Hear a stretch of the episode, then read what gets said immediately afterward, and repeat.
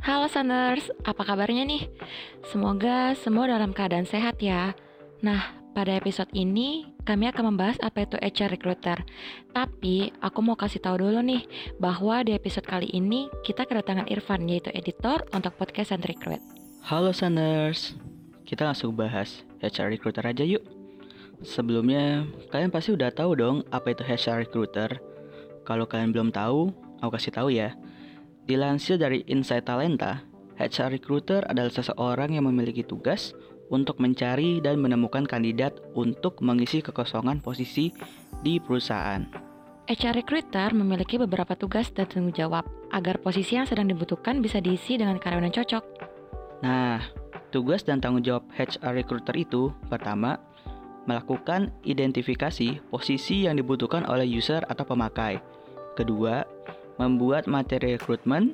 Ketiga, melakukan update informasi ke tenaga kerjaan. Keempat, melakukan pencarian calon kandidat. Dan yang kelima, melakukan proses rekrutmen. Sanders, tahu nggak sih skill apa aja yang dibutuhkan seorang HR recruiter?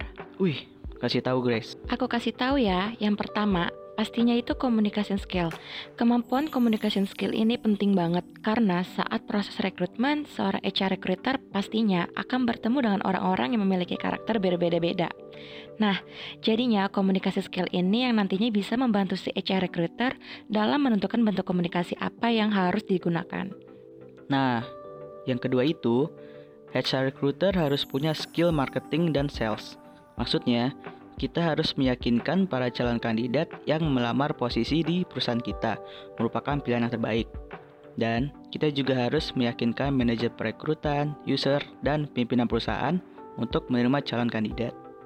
Kemudian yang ketiga adalah HR recruiter harus bisa membangun hubungan baru. Artinya, alangkah baiknya HR recruiter dapat menghasilkan sebuah peluang yang menguntungkan dengan setiap orang baru yang ditemuinya nanti. Yang keempat itu, HR recruiter harus memiliki manajemen waktu yang baik. Artinya, HR recruiter harus bisa mengerjakan seluruh tugasnya dan selesai sebelum deadline agar produktif dalam bekerja. Dan yang kelima, HR recruiter harus memiliki keterampilan di bidang media sosial. Artinya, HR recruiter harus bisa mengoperasikan media sosial untuk membuat pekerjaannya lebih efektif dan efisien. Bagaimana, Saners? Sekarang, kalian sudah tahu kan apa itu HR recruiter? Siapa nih yang tertarik untuk menjadi HR recruiter setelah mendengarkan informasi tadi? Hehe. Sampai jumpa di episode selanjutnya ya, Saners. Sand Recruit Indonesia. Best Headhunter Company in Indonesia. Bye-bye.